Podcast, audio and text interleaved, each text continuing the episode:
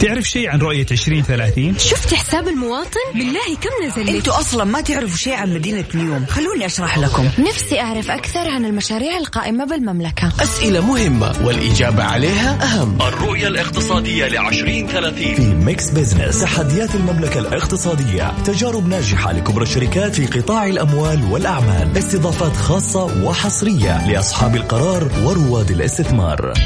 الآن ميكس بزنس مع جمال بنون وأنس الحربي على ميكس اف ام ميكس اف ام هي كلها في ال mix.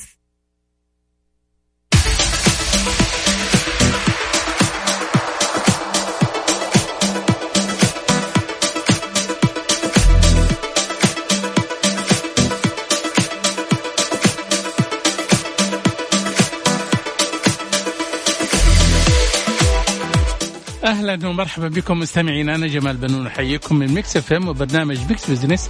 ورحب بزميلي الدكتور أنس الحربي اللي يشاركني التقديم. أهلا وسهلا فيك أستاذ جمال وأهلا وسهلا فيكم مستمعينا في حلقة جديدة من مكس بزنس. هالبرنامج كالعادة يجيكم كل أسبوع في نفس هالتوقيت. نتكلم عن القضايا الاقتصادية ونبسط لكم رؤية 2030 بحيث تكون أسرع فهما وهضما. طبعا آه أنس آه نعم. السعودية أطلقت مبادرتين. كلها خضراء اي شايف؟ الأولى مبادرة السعودية الخضراء اي ومبادرة الشرق الأوسط الأخضر اي وسيتم إطلاقها يعني إطلاقهما قريبا والمبادرتين آه، أعلنهما ولي العهد السعودي الأمير محمد بن سلمان وسوف ترسم توجه المملكة والمنطقة في حماية الأرض والطبيعة ووضعها في خارطة الطريق ذات معالم واضحة وطموحة وستسهمان بشكل آه، طبعا قوي بتحقيق المستهدفات العالمية.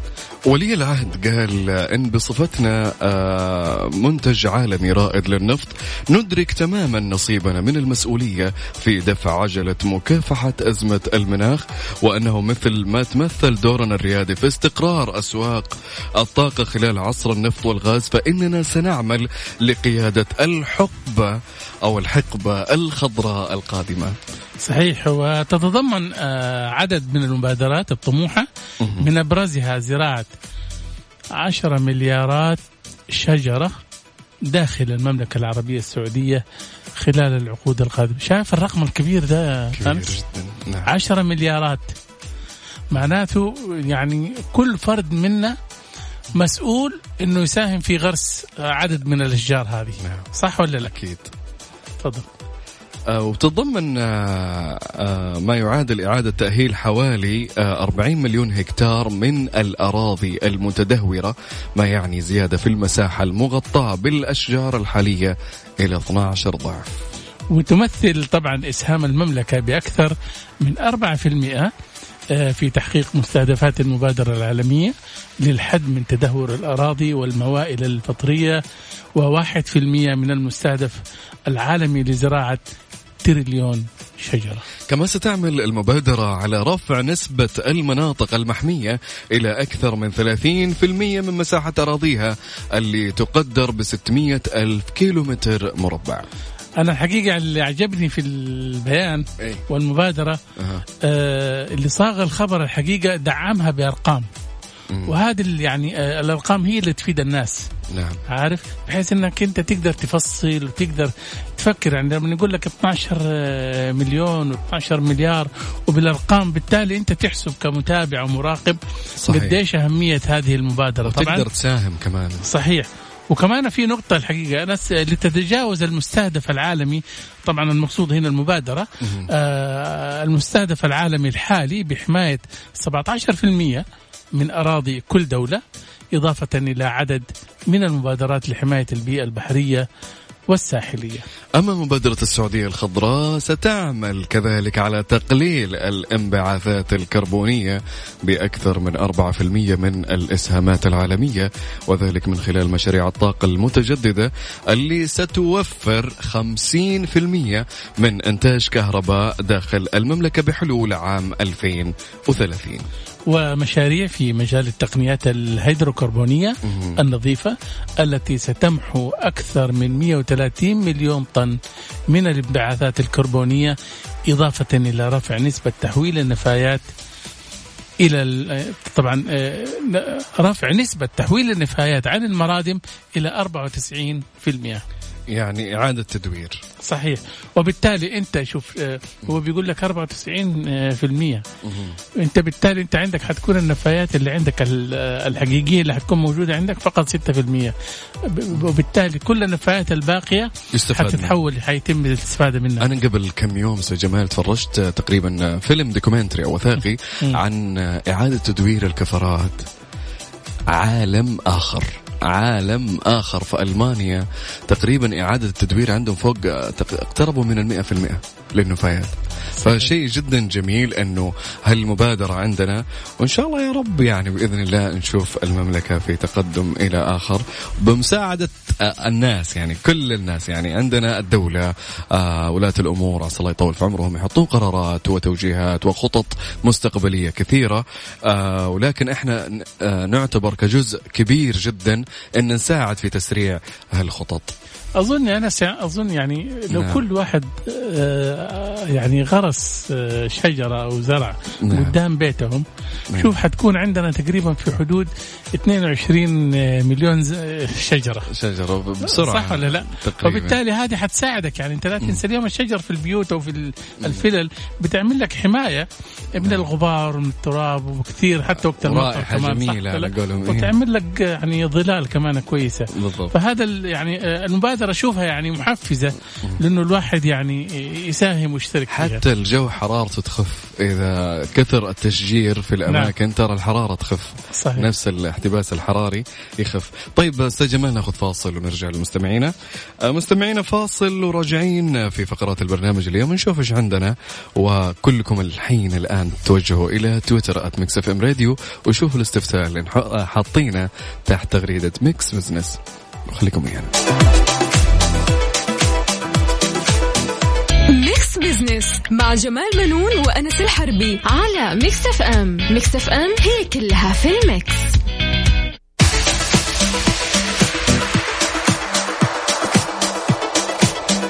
مستمرين معكم في ميكس بزنس وأهلا وسهلا فيكم من جديد في فقرات البرنامج اليوم عندنا آه كالعادة في فقرة على السريع بنستعرض أبرز الأحداث والأخبار الاقتصادية وندردش آه فيها. آه فقرة عندنا اليوم يا جماعة الخير في تويتر كالعادة على ميكس اف ام راديو فقرة حسبه ونسبة السؤال المطروح على مواقع التواصل الاجتماعي وحساب ميكس بزنس على ميكس اف ام عفوا على تويتر. اليوم متحمس شوي. آه كم بطاقة ائتمانية لديك وهل تستخدمها جميعها؟ آه أكثر من بطاقة بطاقة واحدة أو ما تستخدمها أبدا.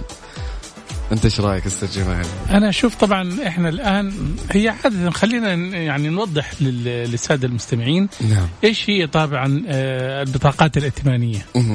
البطاقات الائتمانية هي تستخدم كوسيلة طبعا آه، دفع لقيمة المشتريات من السلع والخدمات وتعتبر نوعا من أنواع القروض طبعا لأنك أنت بتدفع البطاقة لكن ما بتدفع فلوس. صحيح. وبعدين أنت تسددها أقساط وبطريقة الميسرة طبعا. صحيح. اليوم إحنا في عندنا في السعودية 20 مليون اللي بيستخدموا البطاقات. الائتمانية. تقريبا أغلب ال نعم وبعض الناس عندهم يعني مو بطاقة واحدة عندهم ثلاثة أربع بطاقات. لكن هذول شوف يعني آه، الفئة اللي هي فوق المتوسط نعم. أنا أشجع إنه تكون عنده بطاقات لأنه هو يقدر يسدد. يقدر إياه أول بأول يعني. يعني رجل أعمال أو مدير تنفيذي أو مدير عام شايف؟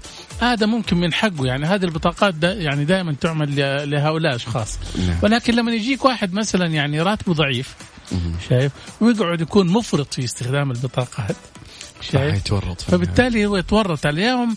طبعا آه، في على مستوى العالم آه، ديون البطاقات الائتمانية بيقول إنها تمهد لأزمة عالمية جديدة. مو ليش؟ إقراض متهور وتعثر في السداد وغير كذا أصلا الواحد من يكون عنده بطاقة يدفع على طول. أي شيء يبغاه خذ بطاقة ائتمانية ويشتري. وآخر شيء ما يدري إنه كلها تراكمات عليه يعني. وكنوع من التباهي. بس أنا شوف. ولا تباهي. غير كذا أستاذ جمال إنه يعني اللي تاخذه بألف أنت بتسدده ألف ونص مثلا. بالفعل. إذا ما سددت يعني. حقيقة ممكن تتزايد وتتراكم عليك وتتحول إلى دين الحقيقة. ملزم الدفع. صحيح صحيح والآن البنوك طبعا وكل الناس عارفين البنوك بتقدم آه، تسهيلات أي. وتعطيك آه، هدايا ومكافآت أي. كل ما جيت أنت واخذت بطاقة ائتمانية طبعا من عندهم. أيوه وعروض كثير وبعدين أنت كشخص دخلك مو كبير ابدا فتتورط في النهاية. فأنت دائما يا جماعة الق... أوكي يا جماعة الخير قارنوا آه، دخلكم آه، بمصروفكم. مو لازم أنت مثلا تمتلك شيء مثلا ممكن يكون سهل في مثلا يد أشخاص آه، أنت مو سهل بالنسبة لك لكن ممكن أنت تطمح لهالشيء تجمع له مو لازم إنك تاخذه بسرعة. خلي خلينا نشوف ردود الأفعال على آخر الحلقة. أي. ونشوف يعني نقيم عليها. على صفر خمسة أربعة ثمانية, ثمانية واحد, واحد سبعمية يا جماعة الخير. قولوا لنا إيش رأيكم في البطاقة الائتمانية؟ هل لكم تجارب في بطاقات الائتمان؟ على صفر خمسة أربعة ثمانية, ثمانية واحد, واحد آه سبعمية. عندنا أستاذ جمال اليوم في فقرة أهل الثقة. بنتكلم آه بالتفصيل عن الاحتيال المالي الإلكتروني. وكيف نتجنبها مع ضيفنا الدكتور حسام إبراهيم فلاتة أستاذ قانون التجارة الالكترونيه المساعد بجامعة جدة. طبعا أنت عارف الفترة الأخيرة أصبح الاستخدام الإلكتروني لكل الأشياء أصبحت الآن م. يعني آه يعني موجودة. وبكثافة بنستخدم الآن يعني التطبيقات والبرامج الإلكترونية ومواقع التواصل كلها هذه الآن بنستخدمها في كل المجالات. صحيح. شايف؟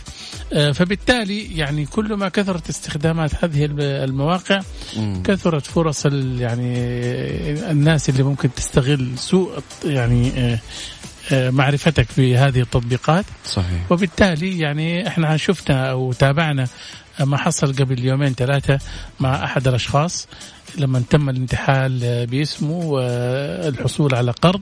طبعا الموضوع الحقيقة شائك. إحنا على مستوى العالم في 60 مليار دولار بيتم يعني التحايل عليها. إما بالتحايل في كسب المعلومات أو التحايل في إغراءات وهمية. إنه إحنا حننمي لك ثروتك ومالك ومن يداري إيش؟ وبالتالي يضحك عليك ياخذ يعني منك الاموال يعني أستاذ جمال أنا يعني أنا أستغرب إنه واضح إنه هذا احتيال الاعلان مثلا. نعم. واضح إنه مثلا جايب شخصية من فنانين معروفين عندنا يقول لك هذا الشخص دخل معانا في يستغلون وجه الآدمي هذا. نعم. آه لكن واضح تماما إنه احتيال. المشكلة أستاذ جمال مو هنا. المشكلة إنه في بعض البرامج سوت اختبار أو تيست آه على أرض الواقع وحطت مثل هذا الشيء. حرفيا انصدموا إنه أكثر من 4000 شخص اشتركوا تقريبا في أول 24 ساعة. صحيح. كتجربة اجتماعية. ففي بعض الناس يجهل هذا الشيء. يا جماعة طريق الفلوس ما هو بسهل لا تحسبون أن تحطون دولار تصير عشرة آلاف في يوم واحد. مستحيل. وفي قبل التحايل الإلكتروني أي. الناس وقعت في فخ الزئبق الأزرق الأحمر. ماكينة الخياطة. شاهي ماكينة الخياطة وغيرها. فما أعرف ليش الناس يعني يعني تنجذب بسرعة. إيه. للطريق السهل. اي للطريق السهل والاحتيال يعني المغري. نعم. وفي بعض الأشياء تكون واضحة وبعض الأشياء ابدا ما واضحة. ممكن المحتالين يجرونك بأشياء آه ممكن أنت ما تفهم فيها كثير. فأنت ممكن بغرض الفضول تسجل أو تسوي شيء فأنت تتورط هنا. فانتبهوا يا جماعة لبياناتكم. أهم ما عليك بياناتك أرقامك الخاصة آه رقمك في السجل المدني رقم بطاقة الأحوال وغيرها. هذه الأشياء شخصية جدا. حتى البنوك أصلا تعلن أنها ما تطلبها منك وقت أو حتى الأرقام السرية ما يطلبونها منك إلا وقت الحضور عندهم. آه فانتبهوا من هالنقطة يا جماعة. طيب مستمعينا فاصل وراجعين نروح لفقرة أهل الثقة. يكون معنا ضيفنا اليوم الدكتور حسام إبراهيم فلاتة.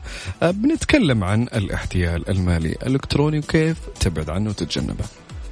ميكس بزنس مع جمال بنون وأنس الحربي على ميكس اف ام. ميكس اف ام هي كلها في ال mix.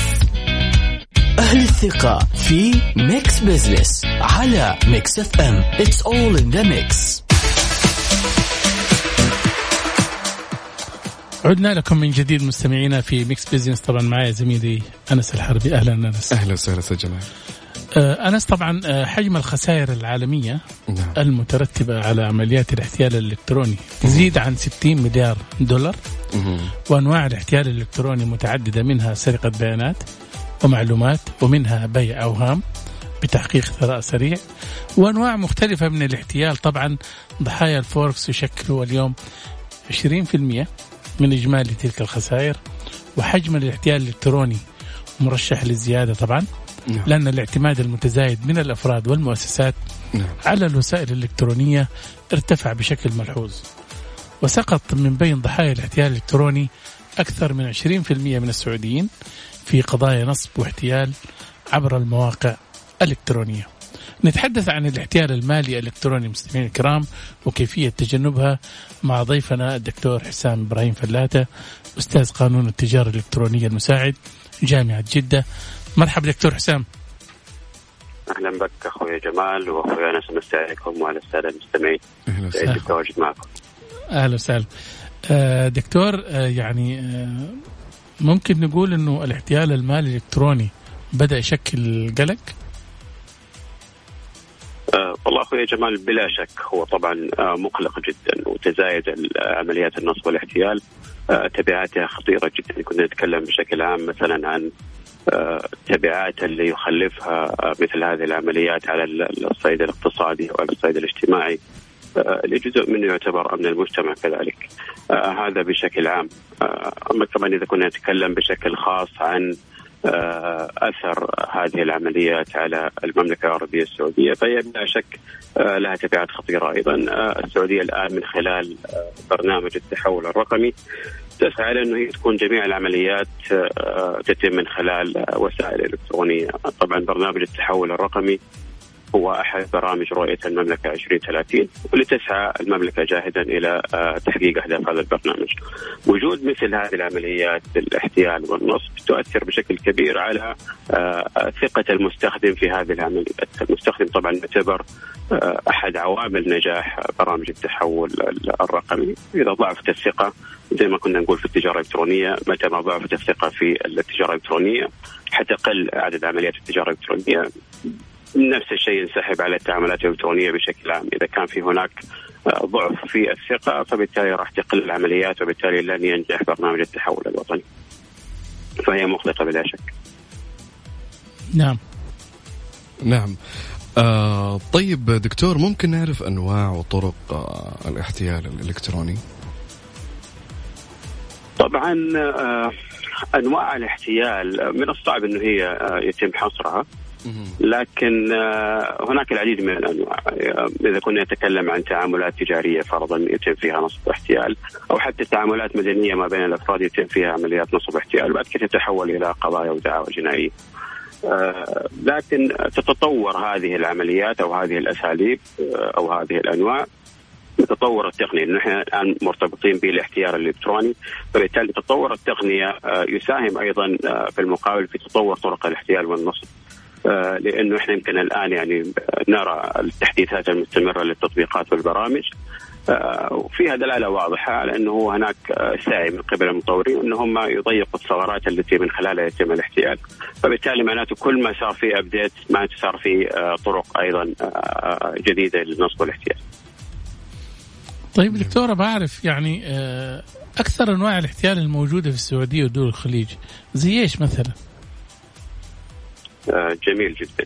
آه، يمكن ما في يعني دراسة وما طلعت على دراسه آه، فيها نسبة معينة لكن الواضح يعني من خلال الاطلاع ومن خلال ال- المشاكل اللي نشوفها أمامنا. إنه معظم عمليات النصب والاحتيال تكون من خلال آه، وسائل ال- التواصل الاجتماعي سواء كان من خلال آه، البيع آه، للمنتجات أو الخدمات من خلال وسائل التواصل الاجتماعي أو حتى بالتواصل المباشر ما بين ال- المحتال وما بين آه، الفرد. آه، نشهد العديد من المشاكل يمكن اللي ذكرتها أخوي جمال مؤخرا القضية اللي صارت لأحد المواطنين.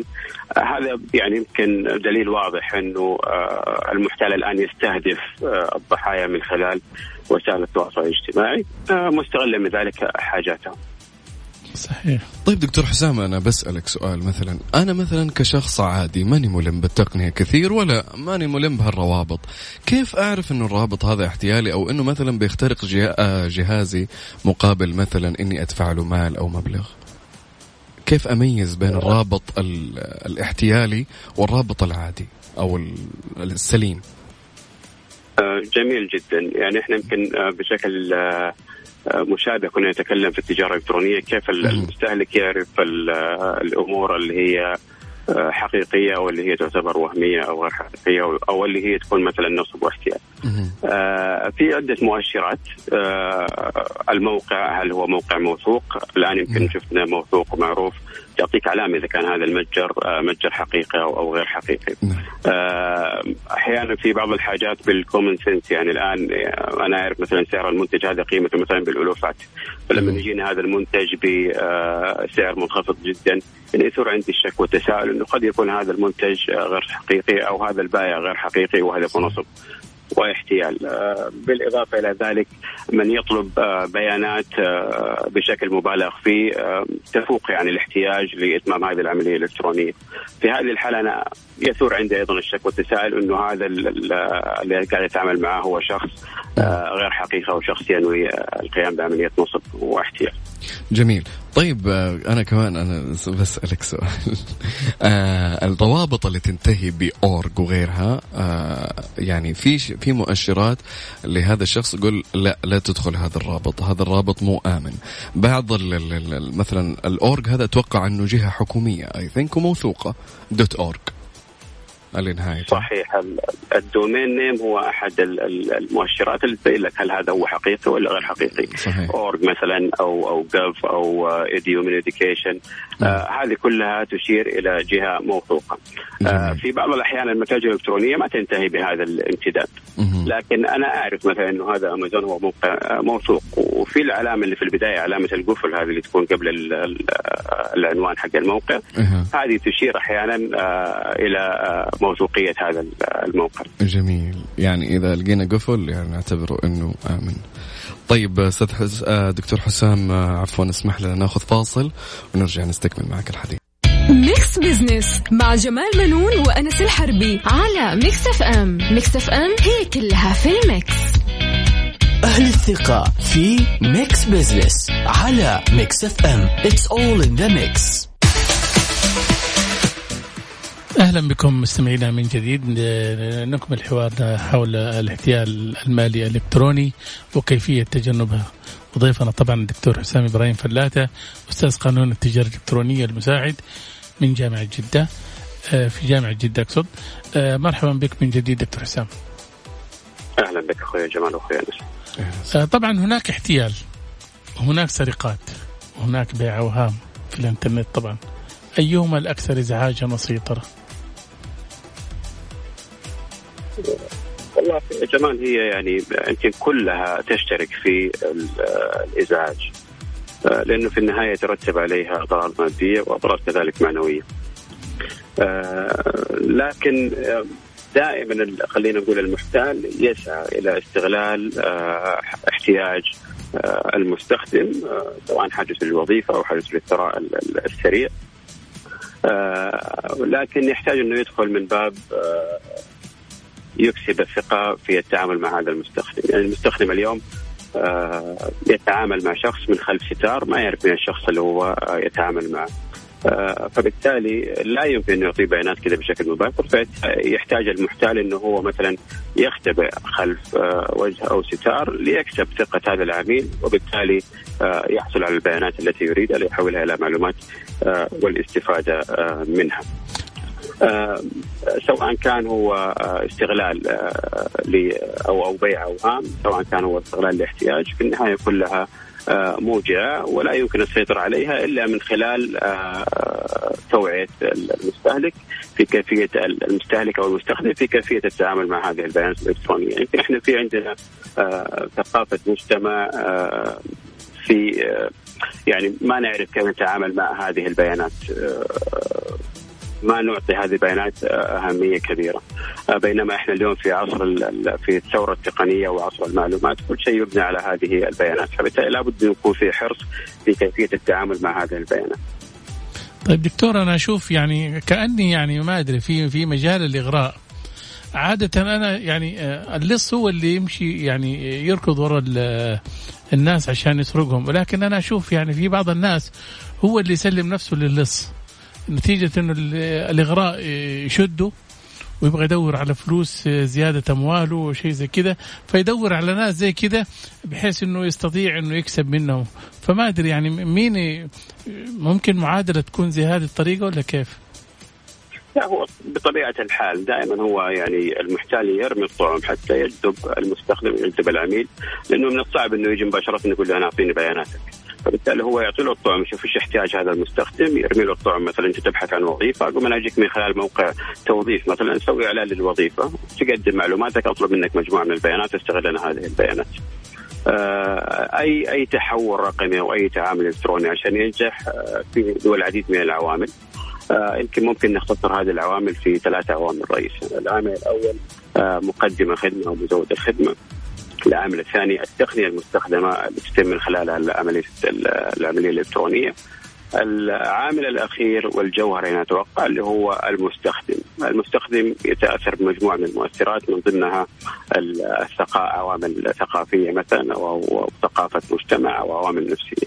هذه كلها تؤثر في ثقته وتؤثر أيضا كمان في كيفية تعامله مع آه، البيانات وتقديمها للمحتاج. فإذا أنا أرى إنه يعني الآن حتى لو كان في قصور في الجوانب آه، التشريعية مثلا من أنظمة وقوانين لأنه أنا أتوقع يعني آه، الآن التقنية يعني تستخدم بشكل كبير وهي على أعلى مستوى. آه، يبقى الحلقة الأضعف هي في المستخدم، المستخدم يحتاج دائما إلى توعية، المستخدم عنصر رئيس وركيزه أساسية في نجاح التعاملات الإلكترونية وبالتالي نجاح برنامج التحول الرقمي. آه، أرى الآن العديد من حملات التوعية للمستهلك وهي مهمة وضرورية جدا لأنه بدون آه، هذا المستهلك أو بدون الوعي لدى هذا المستهلك لا نستطيع أن ننجح أي تعامل إلكتروني أو برنامج التحول الرقمي. نعم صحيح. آه، طيب دكتور في رأيك ما هي الإجراءات القانونية المطلوب وضعها لحماية الناس من لصوص الإنترنت؟ في ظني الآن يمكن إحنا يعني عندنا آه، منظومة تشريعية تتشابه مع آه، الدول المتقدمة. عندنا نظام التعاملات الإلكترونية عندنا نظام مكافحه الجرائم المعلوماتية هي كلها أنظمة آه، حديثة يعني ذات مستوى جيد ويمكن حصل فيها التعديلات مؤخرا. أعتقد إن الأنظمة أو البيئه التشريعية لدينا جيدة. الخلل يكمن في توعية المستهلك، أنا أعطيك مثال أخوي جمال الآن لو أنا عندي خزنة مثلا محكمة الصنع وبجودة أمنية عالية جدا لا تفتح إلا بهذا المفتاح. أجي أنا كصاحب الخزنة وأعطي المفتاح لشخص غريب يفتح الخزنة ويأخذ محتوياتها لا أستطيع أن ألوم من صنع الخزنة لكن ألوم من أعطى هذا المفتاح لأنه نعم. في النهاية أنت لما تقدم بياناتك للمحتال أنت كأنك قاعد تعطي المفتاح وتقول له تفضل خذ هذه بياناتي واستخدمها كيفما تشاء. نعم بالتأكيد الحماية الأهم تأتي من الشخص نفسه لا تعطي معلوماتك قبل أن تفحص الشخص الذي سيأخذها منك وتتأكد منه الخديعة والاحتيال تغطيها إغراء الربح فانتبهوا انتهى وقتنا دكتور حسام شكرا لمشاركتك معنا. مستمعينا أهلا وسهلا. مستمعينا كان معنا الدكتور حسام إبراهيم فلاته أستاذ قانون التجارة الإلكترونية المساعد في جامعة جدة. فاصل ونرجع لكم.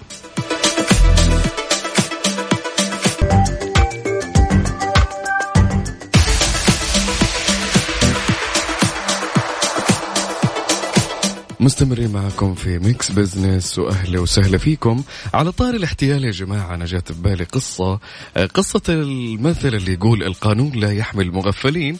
هالقصة يا جماعة آه اللي هي سبب في هالمثل كان في واحد أمريكي يعني ذكي جدا لكنه جدا فقير.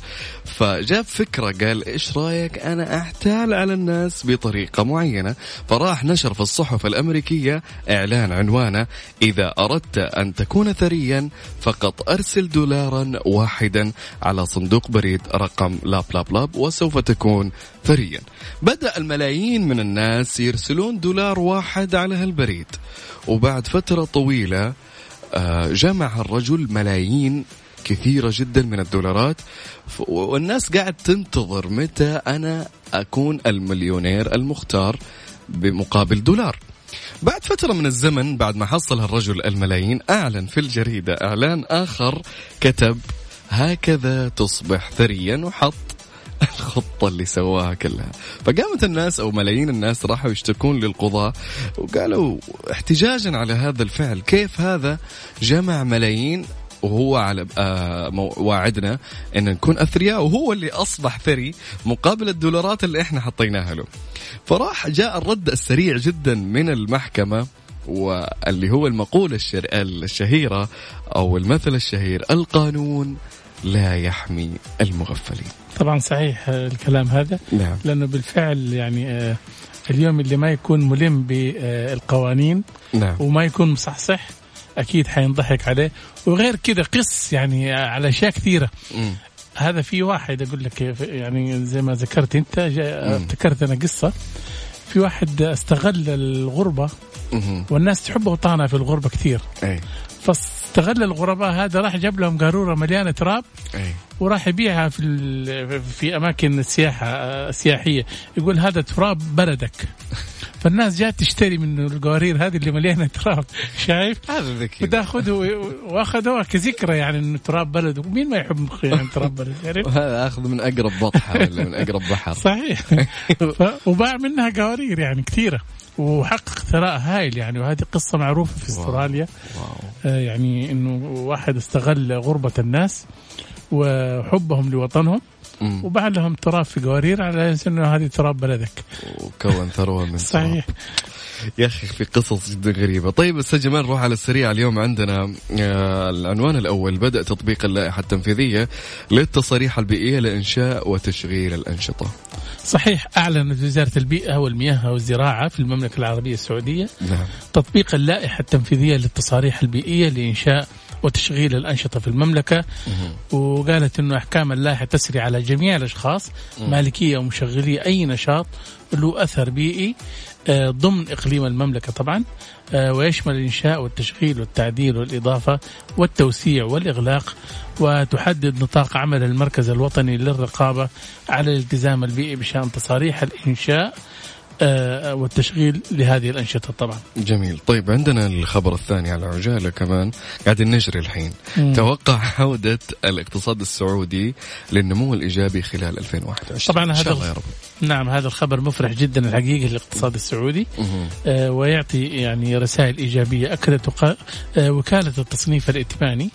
S&P تصنيفها الائتماني للسعودية عند A minus ناقص A. آه، مع نظرة مستقبلية مستقرة وقالت في بيان في بيان لها إنه من إنه بعد الانكماش في عام 2020 من المتوقع أن يعود الاقتصاد السعودي إلى النمو الإيجابي. طبعا المقصود في 2021 ويتوقع أيضا عودة مستوى الحساب الجاري إلى الفائض مع تقليص نسب العجز في المالية العامة. على أساس تحسن على أساس تحسن ظروف الاقتصاد الكلي نعم. العالمي وانتعاش أسعار النفط مع بدا العالم الخروج من الجامعة إحنا نلاحظهم طبعا. يعني آه، العديد من التحسنات في على مستوى العالم بدأت آه، تحصل وتستجيب نتيجة إنه آه، الاوضاع الاقتصادية بدأت تتحسن والناس كلها بدأت تاخذ لقاحات كورونا. نعم. عندنا العنوان الأخير يقول نظام التخصيص يحدد أربع حالات لإنهاء عقد الشراكة قبل انتهاء مدته. صحيح آه، نظام التخصيص حدد أي. آه، يعني آه، حالات الإنهاء عقد الشراكة بين القطاعين العام والخاص. قبل انتهاء مدته وأن تكون بقرار مجلس إدارة المركز الوطني نعم. للتخصيص لجنة أو أكثر من آه، من المختصين للنظر في التظلمات المقدمة ضد إجراءات آه، طرح مشاريع التخصيص والترسية طبعا وبحسب ما نشرته طبعا آه، صحيفة أم القرى للجهة التنفيذية بعد حصول على موافقة الجهة المختصة إنهاء عقد الشراكة بين القطاعين العام والخاص والعقد التابع أو أي منهما بالإرادة المنفردة قبل انتهاء مدته في حال إفلاس الطرف الخاص أو تصفيته وإذا اقتضت المصلحة العامة ذلك. نعم. طيب عندنا في حسبة ونسبة اللي طرحناها في Mix FM Radio على حسابنا في تويتر قلنا كم بطاقة ائتمانية لديك وهل تستخدمها جميعا؟ أعلى نسبة أستاذ جمال 43.6% لا أستخدمها.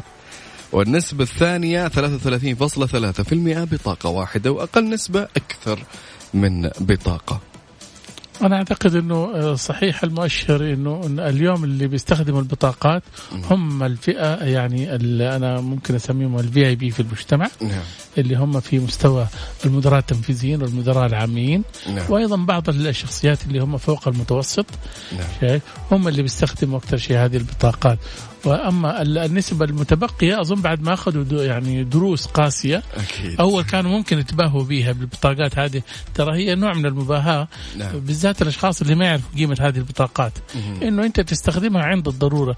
أما إنك أنت تستخدمها على الفاضي والمليان في أي وقت وتتباهى بها قدام أصحابك صحيح. لا طبعا حتتحمل يعني ديون وخسائر. أكيد. وبالتالي حتكون أنت ملزم على إنك أنت تدفعها بالكامل أو إنك أنت يعني آه، يتم إجراءات قانونية ضدك. فدائما يس يا جماعة قارنوا مصروفاتكم بمدخولكم عشان توازنون بينها لا تورطون أنفسكم للأمانة. وفي مثل يقول مد رجلينك على قد لحافك فدائما خلي هذا المثل آه، داخل عينك. طيب آه، أستاذ جمال كذا انتهينا. آه، لليوم إن شاء الله بإذن الله الأسبوع القادم. آه، في حلقة جديدة وموضوع جديد. إن شاء الله طبعا إحنا حاولنا اليوم نغطي موضوع مهم جدا اللي هو الاحتيال المالي في المواقع الإلكترونية. نعم. وإن شاء الله الأسبوع المقبل يكون عندنا ضيف جديد وموضوع جديد وأخبار جديدة بإذن الله. معلومات دسمة لكن تنهضم إن شاء الله بصراحة إن شاء الله. يعطيكم العافية مستمعينا. نشوفكم إن شاء الله الأحد المقبل نفس التوقيت من الساعة 2 إلى 3 في أمان الله. في أمان الله.